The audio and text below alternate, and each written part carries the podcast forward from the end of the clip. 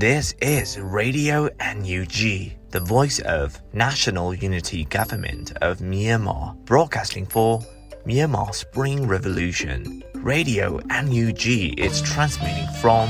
shortwave 16 meter 17.79 megahertz at 8:30 a.m. and 25 meter 11.94 megahertz at 8:30 p.m. Myanmar Standard Time. မင်္ဂလာပါခင်ဗျာ အမျိုးသားညီညွတ်ရေးအစိုးရရဲ့အတန်လွင့်ဌာန Radio NUG ကိုမနက်ပိုင်း၈နာရီခွဲမှာလိုင်းတို16မီတာစက္ကန့်တက်သမ9 MHz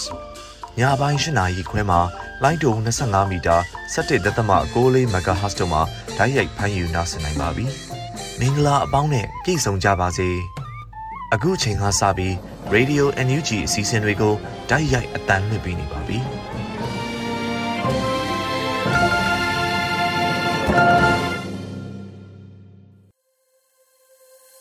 မင်္ဂလာနံနက်ခင်းပါရှင်ရေဒီယို NUG ကိုနားဆင်နေကြတဲ့မိဘပြည်သူများနဲ့မြန်မာနိုင်ငံသူနိုင်ငံသားအပေါင်းတဘာဝဘေးဆရာနာရှင်ဗီဒီယိုအနေကင်းဝေးပြီးကိုစိတ်နှပါဘေးကင်းလုံခြုံကြပါစေလို့ရေဒီယို NUG အဖွဲ့သားများကဆုတောင်းမေတ္တာပို့သလိုက်ပါတယ်အခုချိန်ကစပြီးဖေဖော်ဝါရီလ19ရက်နေ့မနက်ခင်းအစီအစဉ်တွေကိုစတင်ထုတ်လွှင့်ပေးတော့မှာဖြစ်ပါတယ်ပထမအဆုံးအနေနဲ့ရေဒီယို NUG ရဲ့စီးရဲသတင်းကောင်းတို့ချက်ကိုຫນွေဦးနိုင်မှဖတ်ကြားတင်ပြပေးတော့မှာဖြစ်ပါတယ်ရှင် မင်္ဂလာပါခင်ဗျာခုချိန်ကစပြီး2024ခုနှစ်ဖေဖော်ဝါရီလ19ရက်နေ့မနက်ခင်းမှာတင်ပြပေးမယ့် Radio NUG စီးရီးသတင်းများကိုဖတ်ကြားတင်ပြပေးသွားမှာဖြစ်ပါတယ်ခင်ဗျာအခုပထမဆုံးတစ်ပုတ်အနေနဲ့အင်းလီတောင်ပိုင်းမှာ PNO ပြည်သူစစ်အဖွဲ့ကအထမတပ်သားအသစ်စုဆောင်းနေတဲ့သတင်းကိုတင်ပြပေးပါမယ်ရှမ်းပြည်နယ်တောင်ပိုင်းအင်းလီတောင်ပိုင်းရှိ ကျေးရွာများကိုစစ်ကောင်စီလက်အောက်ခံ PNO ပြည်သူစစ်များကဥဆောင်ပြီးအတင်းအဓမ္မတပ်သားအသစ်စုဆောင်းမှုများပြုလုပ်နေတယ်လို့ဒေသခံသတင်းရင်းမြစ်များထံကသိရပါတယ်။လက်တလောရရှိထားတဲ့စီးရင်များအရ3ကျေးရွာမှ15ဦးထီဟန်တာကျေးရွာမှ9ဦးအောင်ချမ်းသာကျေးရွာမှ9ဦးဟူရန်ကျေးရွာမှ17ဦးနဲ့စံကားလွယ်ခေါ်ကျေးရွာမှ10ဦးကို PNO ကခေါ်ဆောင်သွားတယ်လို့ဒေသခံကပြောပါတယ်။ ကြေးရွာအတွင်းမင်းနိုင်ခိုင်းကမဝင်မနေရပုံစံမျိုးအတင်းအဓမ္မလူစုဆောင်းနေပြီးတော့ငွေကြေးတက်နိုင်တဲ့သူတွေကြတွားနိုင်တဲ့သူတွေကိုပတ်စံပေးပြီးတော့ငှားထည့်တာတွေရှိတယ်လို့ဆိုပါတယ်။ဒါအပြင်လက်နက်ဝယ်ယူရန်အတွဲလို့ဆိုကအိမ်တိုင်းအိမ်တိုင်းတအိမ်ကို၈သိန်းခွဲပေးရမယ်လို့ကောက်ခံနေတာလည်းရှိကြောင်းဒေသခံတွေကပြောပြကြပါတယ်။ BNO ပြည်သူ့စစ်အဖွဲ့ဟာ စစ်ကောင်စီနဲ့တရားဝင်ပူးပေါင်းနေပြီးတော့တော်လိုင်းရေးအင်အားစုများကိုပြန်လည်တိုက်ခိုက်နေက၎င်းတို့ထိန်းချုပ်နေမြေအတွင်းမှာစစ်ကောင်စီအတွက်လည်းစစ်သားကောက်ပေးနေတယ်လို့ဒေတာတွင်တော်လိုင်းရေးအင်အားစုများကအတိပေးထားပါတယ်။အပြစ်မဲ့ပြည်သူလူထုကိုစစ်ပွဲအတွင်းအတင်းအဓမ္မဆွဲသွင်းပြီးတော့ကြေးရွာများမှာမတော်မနေရစစ်သားကောက်ယူခြင်းနဲ့တနက်ဝယ်ယူရန်လို့ဆိုကငွေကြေးကောက်ခံနေတဲ့ PNO ကိုအင်းလေးဒေသခံလူထုအဖွဲ့အစည်းများကမကြသေးမီရက်ပိုင်းကအပြင်းထန်ခန့်ကွက်ထားပါတယ်။ စစ်ကောင်စီကလက်နက်တွေထုတ်ပေးနေကအဲ့ဒီလက်နက်ခဲယမ်းအလိုက် PNO ကလူရှာပေးနေရတာဖြစ်ပြီးတော့အင်းလေးတောင်ပိုင်းမှလူ200လောက်ပါသွားပြီလို့လည်းသိရတယ်လို့ဒေသခံတအူးကပြောပြပါတယ်ဖေဖော်ဝါရီလ18ရက်နေ့ကလည်းတောင်ကြီးမြို့အရှိပိုင်းတိုင်းစစ်ဌာနချုပ်မှာစစ်ကောင်စီတပ်က PNO ပြည်သူ့စစ်အဖွဲ့အားလက်နက်တပ်ဆင်ပွဲတရက်ပြုလုပ်ကျင်းပခဲ့သေးတယ်လို့သိရပါတယ်ခင်ဗျာ။ ဆက်လက်ပြီးစစ်တောင်းမြေကူးတရားမှာခန်စီယူတက်ဆွဲထားတဲ့အကြမ်းဖက်စစ်ကောင်စီတပ်ကိုတော်လိုင်းအင်အားစုများမှဒရုန်းဖြင့်ဘုံကျဲတိုက်ခိုက်ခဲ့တဲ့တဲ့ရင်ကိုတင်ပြပေးပါမယ်။ပဲခူးတိုင်းဒေသကြီးတောင်ငူခရိုင်ရေဒါရှိမြို့နယ်ကျွဲရိုင်းပြင်ကြီးရွာအရှိတောင်ဘက်စစ်တောင်းမြေကူးတရားမှာခန်စီယူတက်ဆွဲထားတဲ့အကြမ်းဖက်စစ်ကောင်စီတပ်ကိုဖေဖော်ဝါရီလ18ရက်မနက်6နာရီအချိန်ကမ်းမှာတော်လိုင်းအင်အားစုများမှဒရုန်းဖြင့်ဝင်ရောက်ပုံကျဲတိုက်ခိုက်ခဲ့တယ်လို့ပဝါနီစစ်ကြောင်းကအတည်ပြုဆိုထားပါတယ်။အဆိုပါတိုက်ခိုက်မှုဟာတနအီကန်ကြာမြင့်ခဲ့ပြီးတော့စကားစဘတ်မှထိခိုက်ကြဆုံးမှုကိုအတိအကျမသိရသေးပေမဲ့လည်းတော်လန်ရေးအင်အားစုဘက်မှအထိခိုက်မရှိအောင်မြင်စွာဝင်ရောက်တိုက်ခိုက်နိုင်ခဲ့တယ်လို့သိရပါတယ်။ရင်းတိုက်ခိုက်မှုကိုပဝါနီစစ်ကြောင်းကီးကူစစ်ကြောင်းနေပြည်တော်ရိုးမစစ်ကြောင်းနဲ့3931တက်ခွဲ၄ တက်ခွဲ3ကျိုးမှပူးပေါင်းလှုပ်ဆောင်ခဲ့ခြင်းဖြစ်တယ်လို့လည်းသိရပါတယ်ခင်ဗျာ။ရေဦးမြို့နယ်အနောက်ချမ်းရွာများကိုစစ်တောင်းထူလူရက်တောင်းချမ်းနေတဲ့စစ်အုပ်စုအားတိုက်ခိုက်တဲ့တဲ့ရင်ကိုတင်ပြပေးပါမယ်။ရေဦးမြို့နယ်အနောက်ချမ်းရွာများကိုစစ်တောင်းထူလူရက်တောင်းချမ်းနေတဲ့စစ်အုပ်စုအားတိုက်ခိုက်ခဲ့တယ်လို့ဖေဖော်ဝါရီလ18ရက်နေ့မှာရှူဘိုခရိုင်အမှတ်14တပ်ရင်ရေဦး PDF ကအတည်ပြုထားပါတယ်။ရေဦးမြို့နယ်အနောက်ချမ်းရှိရွာများကိုစစ်ကြောင်းထိုးလူရက်တောင်းကျမ်းနေတဲ့ စစ်အုပ်စုအားဖေဖော်ဝါရီလ18ရက်နေ့မွန်လွယ်တနာရီအချိန်ခန့်မှာဇဝရွာမှဝက်ဖိုးရွာအကူးမှာ Face Wind Drone နှစ်စီးဖြင့်ဘုံသီးလေးလုံးချပြီးတိုက်ခိုက်ခဲ့တယ်လို့ဆိုပါတယ်။တိုက်ခိုက်မှုမှာစစ်ကောင်စီတပ်သားတေဆုံးထိခိုက်မှုများအားစုံစမ်းဆဲဖြစ်တယ်လို့လည်းသိရပါတယ်ခင်ဗျာ။ ဆက်လက်ပြီးပေါကောင်းမြို့နယ်မှာအကြမ်းဖက်စစ်ကောင်စီရဲ့တပ်ဖွဲ့ဝင်များလိုက်ပါလာတဲ့ဆိုင်ကယ်နဲ့ကားတို့ကိုမိုင်းဆွဲတိုက်ခိုက်ရာမှာစက္ကစဘက်ကတအူးတေဆုံးပြီးတော့နှစ်ဦးပြင်းထန်ဒဏ်ရာရတဲ့တဲ့တင်ကိုတင်ပြပေးပါမယ်။ပေါကောင်းမြို့နယ်မှာအကြမ်းဖက်စစ်ကောင်စီရဲ့တပ်ဖွဲ့ဝင်များလိုက်ပါလာတဲ့ဆိုင်ကယ်နဲ့ကားတို့ကိုမိုင်းဆွဲတိုက်ခိုက်ရာမှာစကားစဘက်ကတဦးသေဆုံးပြီးတော့နှစ်ဦးပြင်းထန်ဒဏ်ရာရခဲ့ပါတယ်။ပဲခူးတိုင်းပြည်ခရိုင်ပေါက်ခေါင်းမြို့နယ်တောင်လေမှ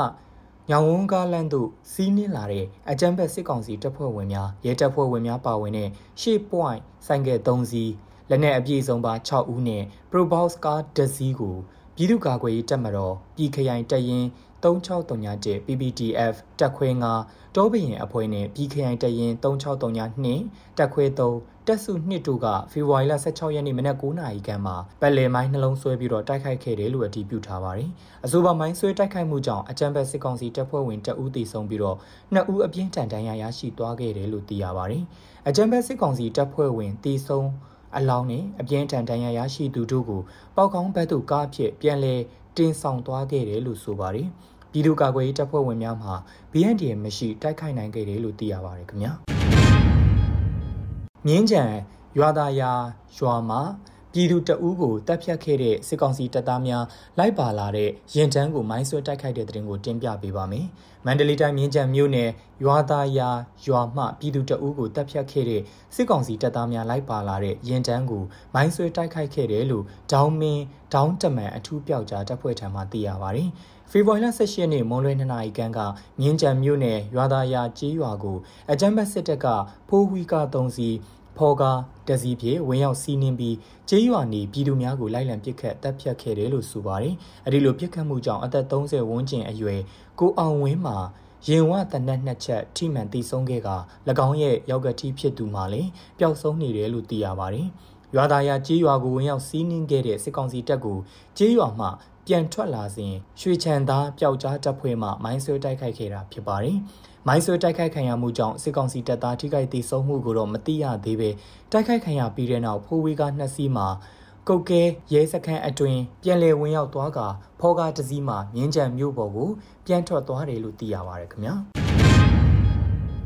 ဆက်လက်ပြီးမြေပုံမြို့နယ်ရှိ point 439တောင်ကုန်းနဲ့438တောင်ကုန်းပေါ်ရှိစစ်စခန်းများကိုစစ်ကောင်စီတပ်ဖွဲ့ဝင်များကိုယ်တိုင်မီးရှို့ဖျက်ဆီးကအနောက်ပိုင်းတိုင်းစစ်ဌာနချုပ်သို့ထွက်ပြေးတဲ့တဲ့တင်ကိုတင်ပြပေးပါမယ်။ရခိုင်ပြည်နယ်မြေပုံမြို့နယ်မှာရှိတဲ့ point 439တောင်ကုန်းနဲ့438တောင်ကုန်းပေါ်ကစစ်စခန်းတွေကိုစစ်ကောင်စီတပ်ဖွဲ့ဝင်တွေကိုယ်တိုင်မီးရှို့ဖျက်ဆီးပြီးတော့အနောက်ပိုင်းတိုင်းစစ်ဌာနချုပ်သို့ထွက်ပြေးသွားတယ်လို့ရခိုင်တပ်တော် AA ကဖေဖော်ဝါရီလ18ရက်နေ့ည8:00နာရီခန့်အချိန်မှာ ရုပ်သံမှတ်တမ်းနဲ့တကွထုတ်ပြန်လိုက်ပါတယ်။ရခိုင်ပြည်မြေပုံမြို့နယ်ဟင်းခရော်ကျေးရွာအနောက်မြောက်ဘက်1.8ကီလိုမီတာအကွာမှာရှိတဲ့ point 439နဲ့ point 438ကုန်းကအတန်းဘက်စစ်ကောင်စီတပ်ဖွဲ့ဝင်တွေဟာ၎င်းတို့တပ်စခန်းကိုလက်နက်ခဲယမ်းများလက်နက်ကြီးတွေနဲ့စခန်းကုန်းတစ်ခုလုံးကို၎င်းတို့ကိုယ်တိုင်ဖေဖော်ဝါရီလ18ရက်နေ့ ညနေ9:00နာရီခွဲကအချိန်မှာမီးရှို့ခဲ့ကြတာလို့ဆိုပါတယ်။အဆိုပါစခန်းကုန်းတွေကိုမီးရှို့ဖျက်ဆီးခဲ့ပြီးတဲ့နောက်စစ်ကောင်စီတပ်ဖွဲ့ဝင်တွေဟာစစ်ရဟတ်ရင်တွေနဲ့အမ်မြို့မှာရှိတဲ့အနောက်ပိုင်းတိုင်းစစ်ဌာနချုပ်ကိုထွက်ပြေးတိမ်းရှောင်သွားခဲ့ကြတယ်လို့ရခိုင်တပ်တော် AA ကပြောပါတယ်။အကြံဖက်စစ်ကောင်စီတပ်ဖွဲ့ဝင်တွေကိုယ်တိုင်၎င်းတို့တပ်စခန်းကိုမိရှို့ဖျက်ဆီးခဲ့တဲ့စခန်းတွေဟာည၈နာရီဝန်းကျင်အချိန်အထိမီးလောင်နေဆဲဖြစ်တယ်လို့ရခိုင်တပ်တော်သတင်းနဲ့ပြန်ကြားရေးကထုတ်ပြန်ထားပါတယ်။ရခိုင်ဒေသတွင်းမှာရှိတဲ့စစ်ကောင်စီစခန်းတွေတစ်ခုပြီးတစ်ခုလက်လွတ်ဆုံးရှုံးနေတဲ့အပြင်ကြံနေသေးတဲ့စခန်းတွေဟာလည်းလက်လွတ်ဆုံးရှုံးရဖို့လက်တကမ်းအနေအထားရောက်နေတယ်လို့ညီနောင်မဟာမိတ်၃ဘွဲကထုတ်ပြန်ပြီးတော့24နာရီအတွင်းမှာပဲစစ်တပ်က၎င်းတို့တပ်စခန်းတွေကို၎င်းတို့ကိုယ်တိုင်မိရှုဖျက်ဆီးပြီးထွက်ပြေးသွားခဲ့တာလို့သိရပါတယ်ခင်ဗျာ။အခုတင်ပြခဲ့တဲ့စီရေးသတင်းတွေကိုတော့ Radio NUG သတင်းတောက်မင်းတီဟန်ကိုခန့်နဲ့မင်းစစ်သွေးတို့ကပေးပို့ထားတာဖြစ်ပါတယ်ခင်ဗျာ။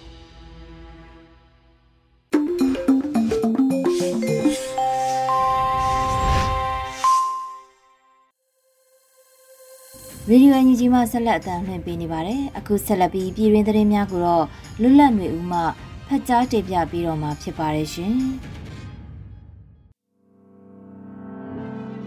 မင်္ဂလာမနက်ခင်ပါခင်ဗျာအခုချိန်ကစပြီး Radio UNG ရဲ့ဖေဖော်ဝါရီလ19ရက်နေ့ Radio UNG မနက်ပိုင်းပြည်တွင်သတင်းများကိုစတင်ကြေညာပါတော့မယ်ကျွန်တော်ကလွတ်လပ်နေဦးပါ ဂျာကာလာဒီတန်တရပြည်သူ့အုပ်ချုပ်ရေးဖော်ဆောင်မှုဗဟိုကော်မတီနဲ့တနင်္သာရီတိုင်းအေယာဝတီတိုင်းပဲခူးတိုင်းမြို့နယ်ပြည်သူ့အုပ်ချုပ်ရေးဖွဲ့များတွေ့ဆုံဆွေးနွေးပွဲပြည်ထောင်စုဝန်ကြီးနိုင်သူဝနတက်ရောက်တဲ့တဲ့င်းကိုဦးဆုံးတင်ပြဖို့ရှိပါတယ်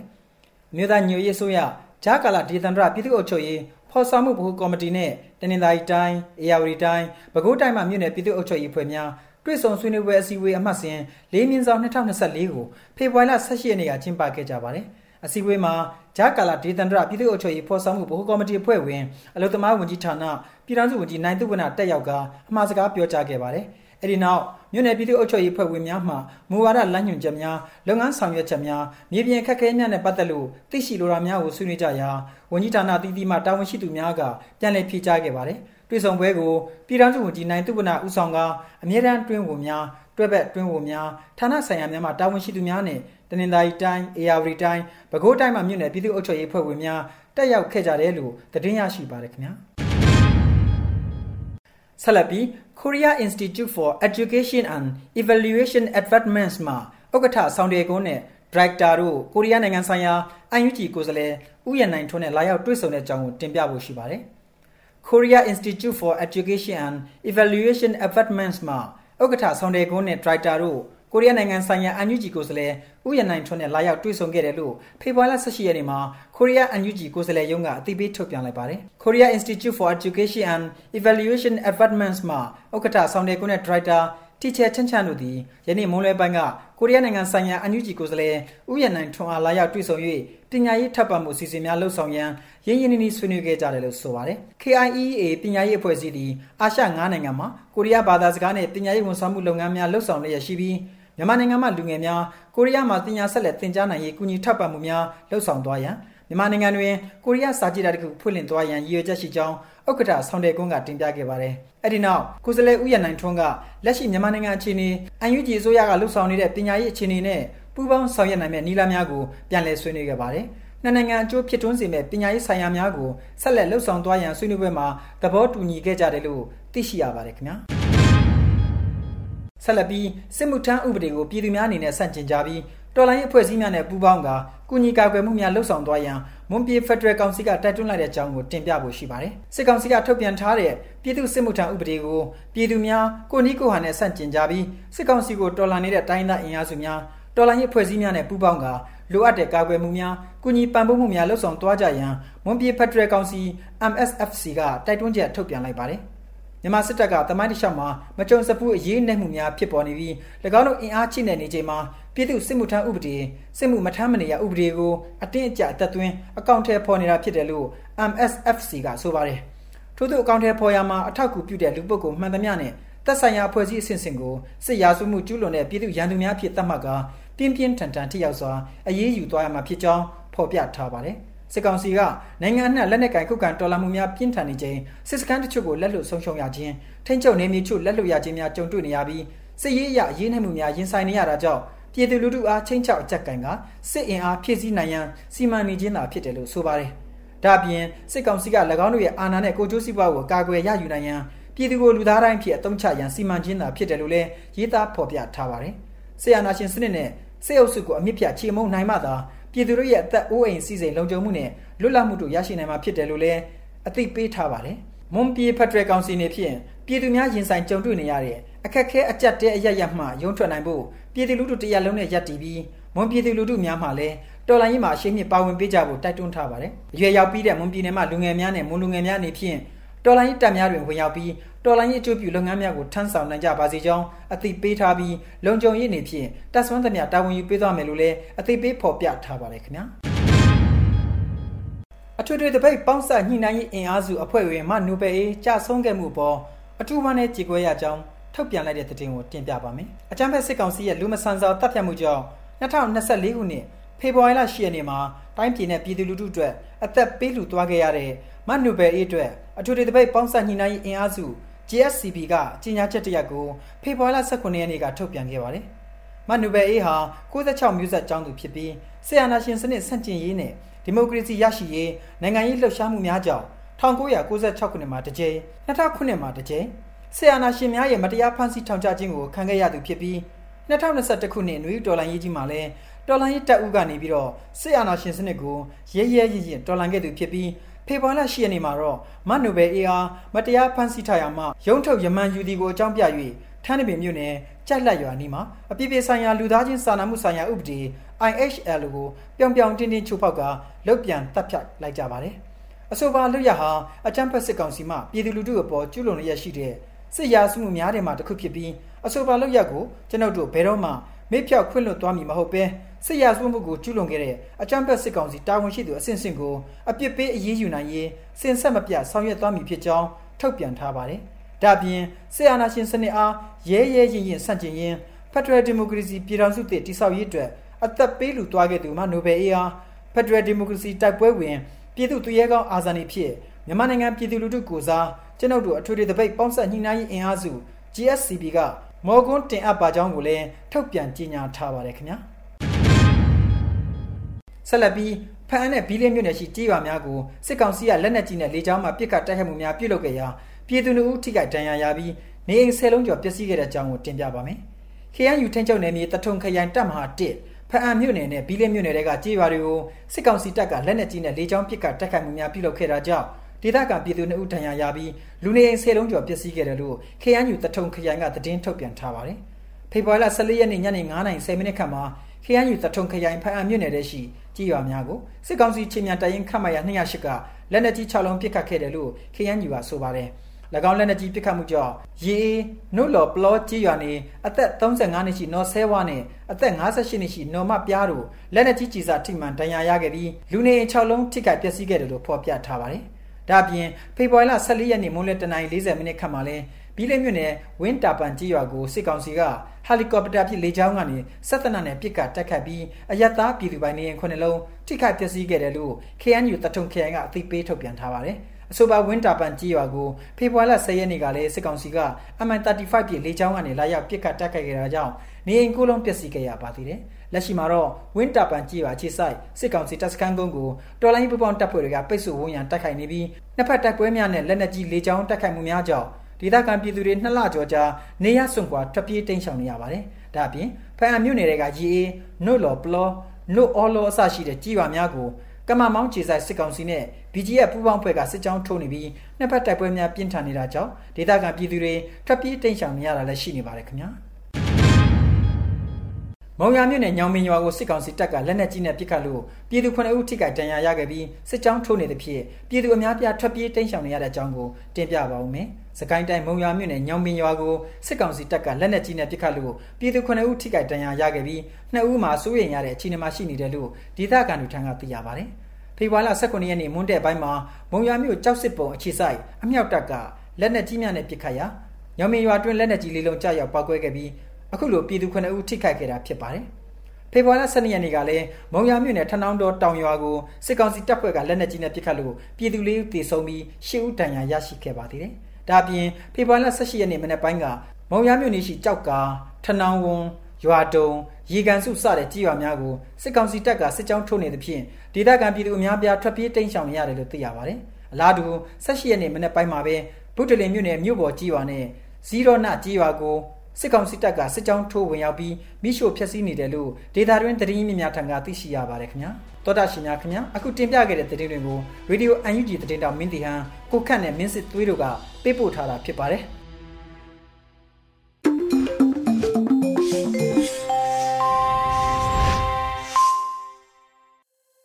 ရေဒီယိုအန်ဂျီကိုနားဆင်နေကြတဲ့မိဘပြည်သူများရှင်အခုတခါနားဆင်ရမှာကတော့တော်လန်ရေးကြပြဖြစ်ပါတယ်။မောင်ကျော်ကိုရိုင်း ရေးသားပြီးခန်းစားရွတ်ဖတ်ထားတဲ့ကြပြရဲ့အမည်က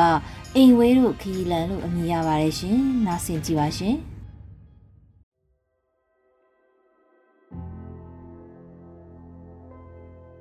အိမ်ဝေးတို့ခီလန်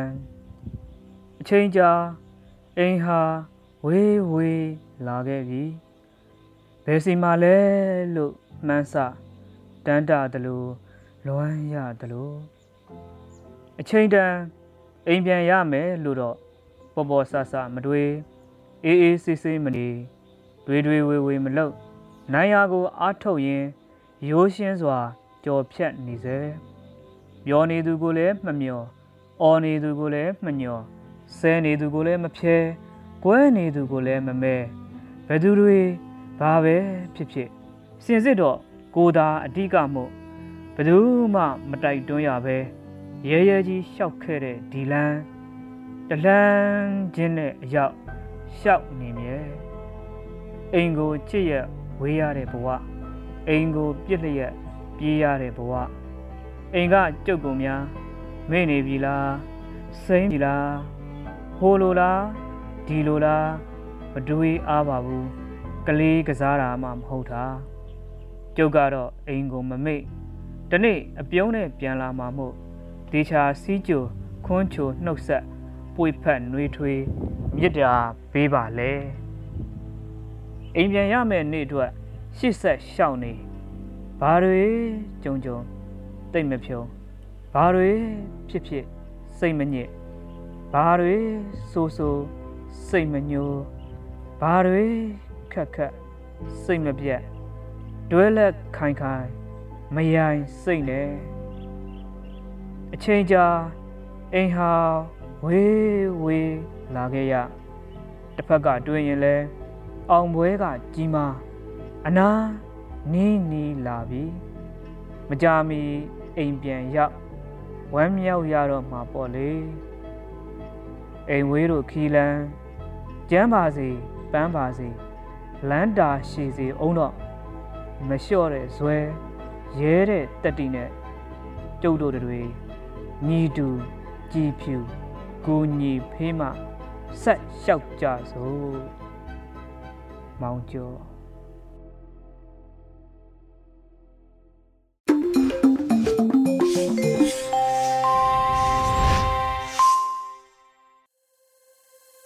ဒီကနေ့ရဲ့နောက်ဆုံးအစီအစဉ်အနေနဲ့တိုင်းရင်းသားဘာသာထုတ်လွှင့်မှုအစီအစဉ်မှာတော့မတူပီချင်းဘာသာနဲ့တပတ်အတွင်းသတင်းတွေကို The Matupi Times ကအစီအစဉ်တင်ဆက်ထားတာကိုနားဆင်ရမှာဖြစ်ပါတယ်ရှင်။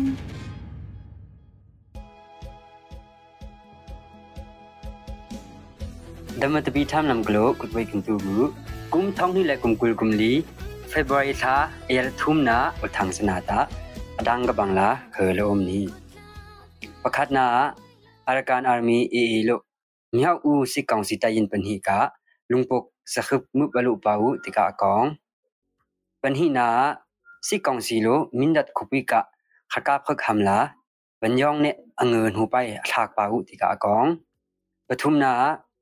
unbroken generation kang kota CDF Sentang Battalion Penhila Lulu Tika Akong Apalina CDF Mindatka Apasin Pali ကဖခဟမ်လာဘန်ယောင်နဲ့အငွန်ဟူပိုင်အခါပါဝတိကာကောင်ပထုမနာ unbroken generation kang kota CDF senthang battalion panhila lulu tika kong apalina CDF mindat ka apasin pali thlai vong sang na abai na kong pangana pilnam bai khaka biham lo ne aktu ka kai thangnu sana bai si kong si atlak na ham sai na donga bai thum na ham CNF lo subsin na ola thui tika kong ruk na KNDF lo sha to khul tom bai adang tika kong sana te hul om ni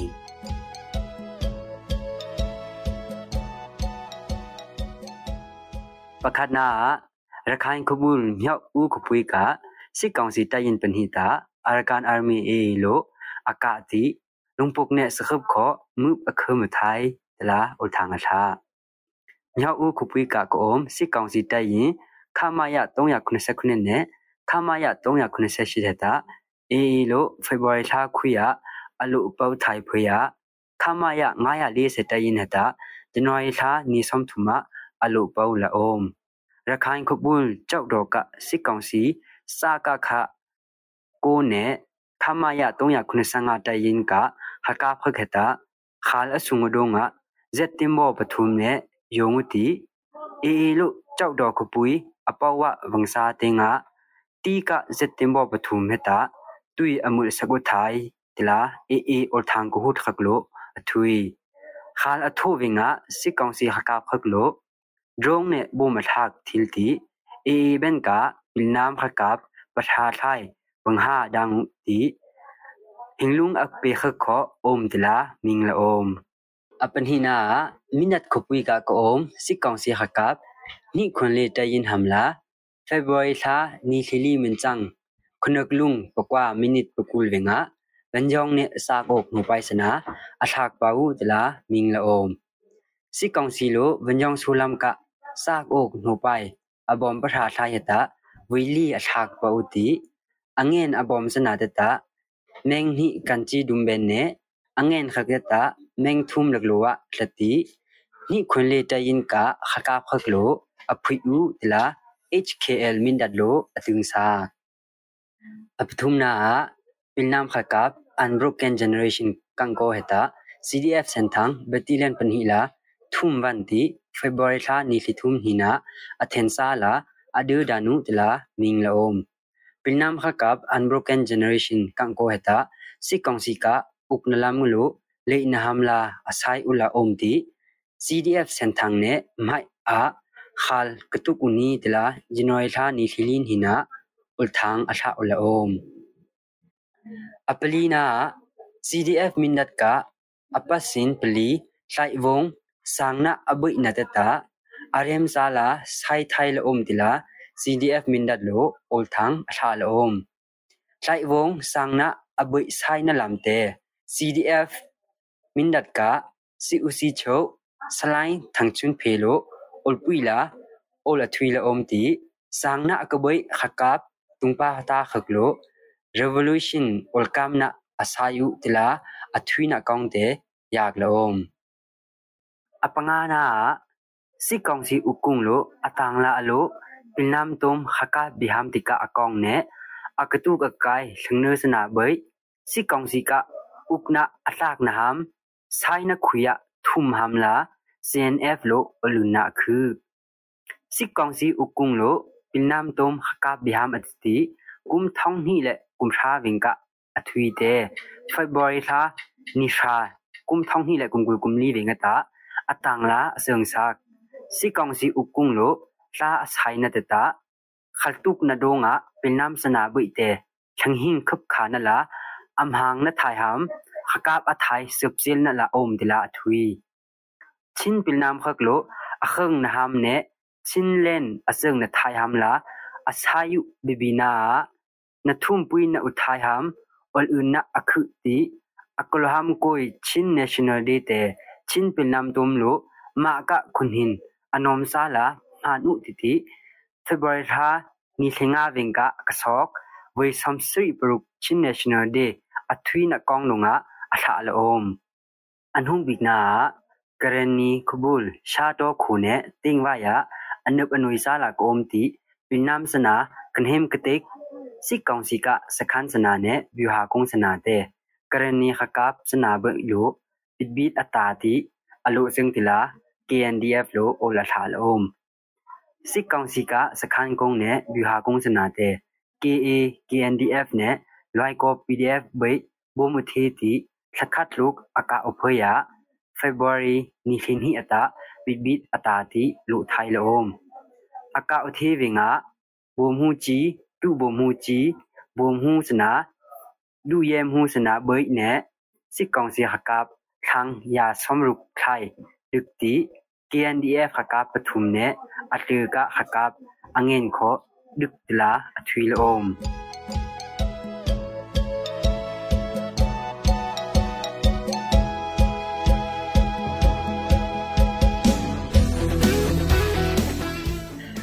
อีกาดัมมติบิทามอลทังกันตุนขักเบยสัว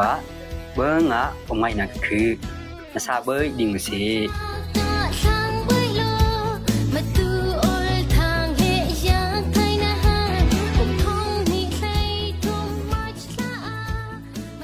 ကနေ့ကတော့ဒီညနေပဲ Radio NUG ရဲ့အစည်းအဝေးကိုခਿੱတရနာလိုက်ပါမယ်။မြန်မာစံတော်ချိန်မနက်၈နာရီခွဲနဲ့ည၈နာရီခွဲအချိန်တွေမှာပြန်လည်ဆုံးဖြတ်ကြပါစို့ Radio NUG ကိုမနက်ပိုင်း၈နာရီခွဲမှာလိုင်းဒို16မီတာစက္ကန့်တသမ9 MHz ညပိုင်း၈နာရီခွဲမှာလိုင်းဒို25မီတာ17သမ6 MHz တို့မှာဓာတ်ရိုက်ဖမ်းယူနိုင်နိုင်ပါပြီမြန်မာနိုင်ငံသူနိုင်ငံသားများကိုစိတ်နှပြကျန်းမာချမ်းသာလို့ ဘေးကင်းလုံခြုံကြပါစေလို့ Radio NUG အဖွဲ့သူအဖွဲ့သားများကဆုတောင်းလိုက်ရပါတယ်။အမျိုးသားညီညွတ်ရေးအစိုးရရဲ့စက်သွေးရေးတရင်အချက်အလက်နဲ့ဤပညာဝန်ကြီးဌာနကထုတ်လွှင့်နေတဲ့ Radio NUG ဖြစ်ပါတယ်။ San Francisco Bay Area အခြေစိုက်မြန်မာမိသားစုများနဲ့နိုင်ငံတကာကစေတနာရှင်များလှုပ်အားပေးများရဲ့ Radio NUG ဖြစ်ပါတယ်